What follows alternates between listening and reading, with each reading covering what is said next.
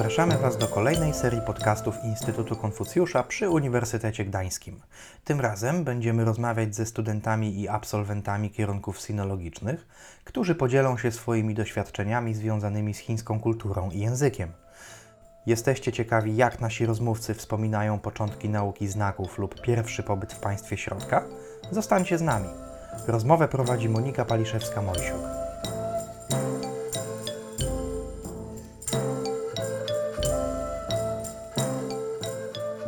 Naszym dzisiejszym gościem jest Dawid Kask, romanista, sinolog, absolwent dziennikarstwa z Pekinu, e, a niektórym znanym również jako Dawid od bloga Worek Ryżu. Dzień dobry. Dzień dobry wszystkim. Myślę, że niektórych może interesować, dlaczego stało się tak, że romanista postanowił następnie zostać sinologiem. Jak to się stało, że po ukończeniu jednych studiów językowych postanowiłeś rozpocząć kolejne? No właściwie to historia jest krótka. Od dziecka lubiłem Japonię i japońskie kreskówki, więc wyjechałem do Chin. A jeżeli chodzi o takie szczegóły, no to, to, to może, może to nie jest tak, że ukończyłem jedne studia i nagle postanowiłem e, zacząć sinologię. E, tylko no, no właśnie, no, od, dziecka, od dziecka bardzo lubiłem japońskie, japońskie kreskówki. Od dziecka próbowałem nauczyć się japońskiego. E, no, ja jestem człowiekiem z nieco słomianym zapałem i cóż, no, przysiądnięcie do jakiegoś języka i wkuwanie go samemu, no, mi nie wychodzi. Kiedy byłem na romanistyce, to, to próbowałem też e, no, załatwić sobie jakiś wyjazd, tak? bo no, Uniwersytet Gdański, na którym wtedy studiowałem, e, już, już w trakcie moich studiów na romanistyce właśnie współpracował z Chinami, tam z e, uczelnią w Harbinie. No i od czasu do czasu pojawiały się jakieś tam oferty, nie wiem, stypendium e, czy, czy czegoś. No ale no, nie udało się nigdy wyjechać, bo no, z różnych powodów. I cóż, no, skończyłem studia na romanistyce i okazało się, że UG otwiera sinologię. Więc sobie przekalkulowałem wszystko. Uznałem, że pójdę na sinologię, skończę pierwszy rok, potem zacznę magisterkę z romanistyki, będąc na drugim roku sinologii. Odważnie. I skończę sobie dwa kierunki w tym samym czasie, tylko że jeden e, ze stopniem magistra, a drugi ze stopniem licencjata. No, a wyszło tak, że właściwie no, poszedłem na sinologię i po pół roku sinologii wylądowałem w Pekinie. Czyli po pierwszym semestrze studiów e, wyjechałeś do Chin, tak? Mieliście jakąś e, możliwość wyjechania na stypendium, czy to był jakiś taki komercyjny wyjazd? Nie, po prostu podczas studiów właściwie no jakoś w listopadzie dowiedzieliśmy się, że istnieje coś takiego jak stypendium wyjazdowe do Chin na początek na semestr, e, żeby uczyć się języka. Mieliśmy mieć pokryte zakwaterowanie i czesne na uczelni i po prostu było nam powiedziane, że najlepsi będą mogli wyjechać. No więc ja wylądowałem w Pekinie na Uniwersytecie CYU. I cóż, no ze mną wylądowało tam pięć innych osób. Pamiętam jak polecieliśmy tam w piątkę, bo jedna z koleżanek dolatywała troszeczkę wcześniej. E, w każdym razie dolecieliśmy tam po 20 godzinach podróży. No i miał ktoś nas odebrać z uczelni. No i faktycznie, miał być Jason. No to Jason nas odebrał. Pięć osób, odebrał autokarem. Jechaliśmy takim 50-kilkoosobowym yy, autokarem w 6 osób. I już wtedy wiedziałem, że będzie ciekawie. Czy przed wyjazdem do Chin miałeś y, jakieś oczekiwania? Y, jak to będzie? Nie wiem, ktoś Wam opowiedział? Czego się spodziewać? No bo tutaj jednak na sinologii w Gdańsku wykładowcy to są głównie Chińczycy, więc y, to z zupełnie innej perspektywy oni patrzą na swój kraj. A czy mieliście kogoś, kto na przykład mógł Wam powiedzieć z perspektywy Europejczyka, jak to jest w Chinach i czy te oczekiwania jakby, jak to wyglądało, jak one się zderzyły z rzeczywistością? To znaczy, no tak, no, jeżeli chodzi o wykładowców, to tak, to byli tylko Chińczycy i no cóż, no, kiedy mówili, no, jeżeli pojedziecie do Chin, no to musicie dużo jeść i jeść dobre rzeczy. I to była właściwie najważniejsza rada. Ale mieliśmy takiego starszego kolegę, którego tam znała nasza pani profesor, zaprosiła go, żeby nam przedstawił właśnie e, całą sytuację, jak to wygląda, ponieważ on też e, studiował na tej uczelni, na którą ja jechałem. No i przedstawił nam po prostu no, Chiny jego oczami. Troszeczkę nas to przeraziło. Ja właściwie no, zawsze chciałem przeżyć taką przygodę i no, szczerze mówiąc to, to niewiele się spra- sprawdziło z tego, co, co nam opowiedział, bo tam miały być jakieś zapadające się chodniki, pożerające ludzi i takie tam. Ale no, też było ciekawie. A co najbardziej Ci zdziwiło w momencie, kiedy przyjechałeś do Chin? Ojej. Wiesz co, przede wszystkim zdziwiło mnie podejście wykładowców do nas na uczelni. W sensie, bo to my nie uczęszczaliśmy tak jakby na zajęcia uczelniane, tylko na kursy językowe. Więc e, to była tak jakby prywatna szkoła językowa i tam poza nami byli też ludzie z właściwie no z całej Azji, może nie z całego świata, ale właśnie głównie z Azji. I po prostu no, zauważyliśmy, że jesteśmy traktowani no, troszeczkę inaczej niż, y, niż byliśmy przyzwyczajeni po studiach w Polsce, bo, bo to nieważne, czy jaki to kierunek, ale tam po prostu no, wykładowcy starali się z nami zaprzyjaźnić, starali się z nami jakoś trzymać dobry kontakt, wychodzić z nami, nie wiem, na właśnie na jedzenie, na piwo i no, no ugłaskać nas. A dzięki temu ta metoda tak jakby ich nauczania, bo to w połączeniu właśnie z tym, e, tak jakby zajęcia były bardzo intensywne, bo my mieliśmy kilka, kilka godzin dziennie, chyba z tego co pamiętam to 6 godzin lekcyjnych dziennie do 15.30, więc e, po prostu no, mieliśmy intensywny kurs i kiedy dodać to właśnie do tych stosunków, dobrych relacji z e, wykładowcami tam, to naprawdę no, język, wiadomo, no, też no, mieliśmy styczność z językiem wszędzie, tak? To on dużo, dużo lepiej tak jakby wchodził, że tak powiem. I myślę, że, że, że właśnie to podejście, podejście do nas było troszeczkę zaskakujące, bo przed przyjazdem tutaj właśnie o, e, poza tym, że mamy się dobrze tak jakby odżywiać, chińscy wykładowcy mówili, że pojedziecie do Chin, to zobaczycie, co to jest kij. Ale no, okazało się, że wcale tak nie jest, że jest bardzo przyjemnie i, i naprawdę studiowanie w Chinach, no, no ja po, właściwie no, po pierwszym semestrze chciałem zostać na kolejny, więc to, to i to już właśnie nie, nie dlatego, że po prostu no okej, fajnie, tylko wiedziałem, że, że tam nauczę się dużo więcej i będzie to w dużo lepszej atmosferze niż, niż gdziekolwiek indziej. Pierwszy semestr, który spędziłeś w Chinach, pierwszy i drugi, tak, e, były na kursie językowym. Natomiast potem, jak skończyłeś e, licencjat, to wyjechałeś na stypendium rządowe już na studia magisterskie, e, które były normalnymi studiami dla Chińczyków, tak? Tylko ty byłeś jakby zrekrutowany tak dodatkowo na podstawie stypendium, tak? Tak, to zgadza się. No, wróciłem właśnie po, po, po pierwszym roku do, y, do Polski, skończyłem studia tutaj i mm, złożyłem tak jakby podanie o przyznanie mi stypendium, e, stypendium rządu chińskiego, które, które teraz w ostatnich latach stały się dość popularne. I właśnie no, proces rekrutacji wyglądał tak, że musiałem oczywiście przedstawić moje wyniki z, z dotychczasowej nauki, moje dyplomy. E, Później miałem jeszcze tak jakby interview przez, e, przez Skype'a. No i cóż, no i, i tam w lipcu chyba dowiedziałem się, że, że, że zostałem przyjęty właśnie na, na, na studia. E, Wybrałem sobie kierunek dziennikarstwo, bo uznałem, że jeżeli mam się uczyć chińskiego współczesnego, to dziennikarstwo będzie takim jakby dobrym konsensusem pomiędzy nauką samego języka, a tak jakby obcowania z Chińczykami, czy, czy, czy tak jakby no, no tym żywym językiem, bo zdawałem sobie sprawę, że jeżeli bym poszedł na studia stricte językowe, typu właśnie po prostu na chiński, zostałbym badaczem, nie wiem, języka starochińskiego, to no, w życiu by mi się to nie przydało, bo kultura kulturą, ale ja, ja bardziej celowałem w coś takiego użytecznego i po prostu no, wybrałem sobie dziennikarstwo.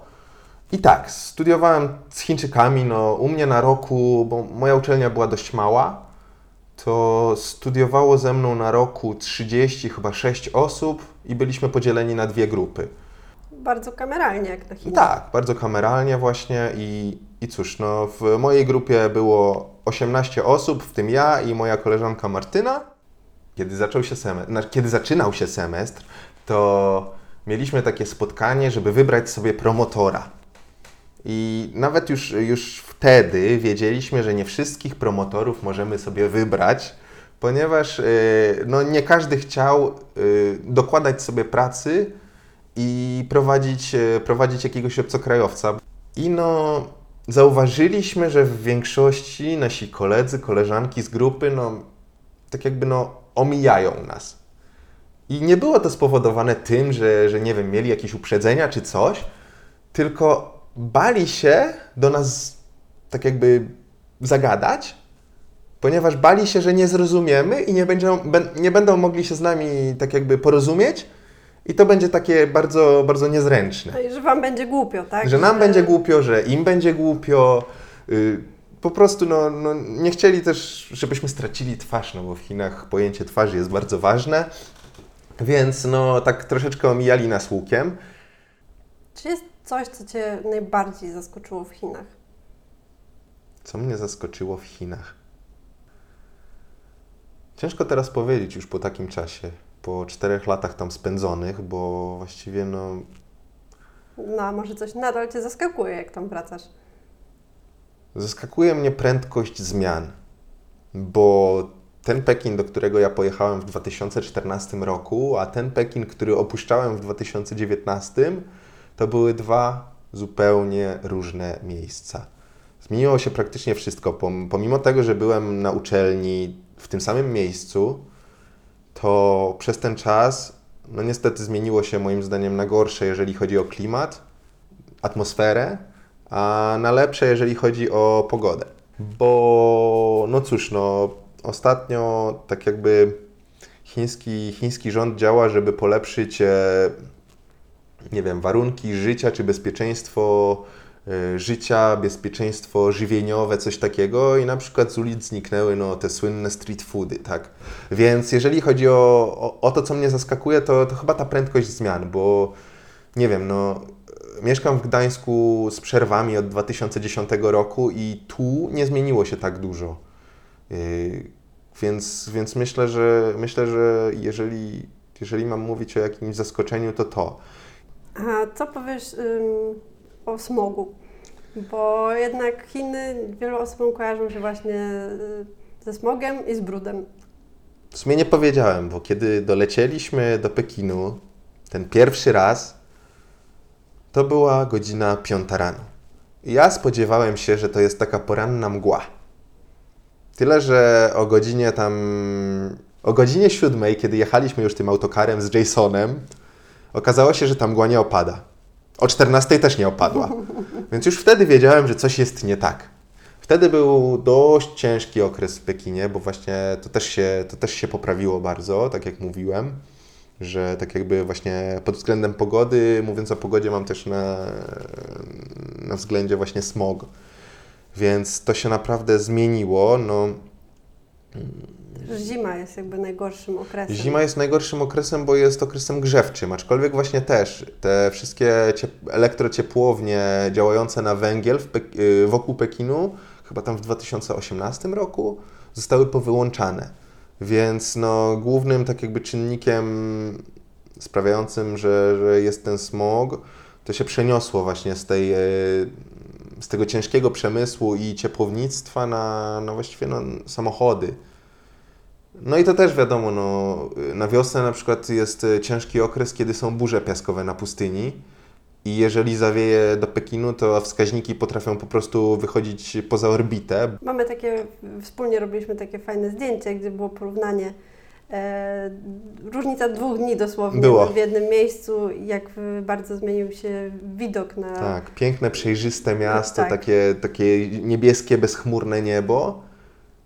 I właśnie smog chyba tam na poziomie 500 i po prostu nie było nic widać powyżej dwóch kilometrów mi się wydaje. Mm.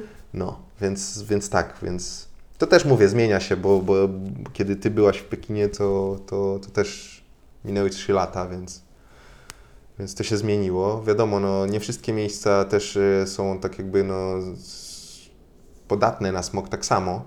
To może na zakończenie takie pytanie dosyć przewrotne, które często się przewija gdzieś tam na forach. Czy uważasz, że można się samemu nauczyć języka chińskiego? Uważam, że można nauczyć się rozpoznawać znaki. Można nauczyć się pisać znaki. Z mówieniem może być duży problem i ze słuchaniem.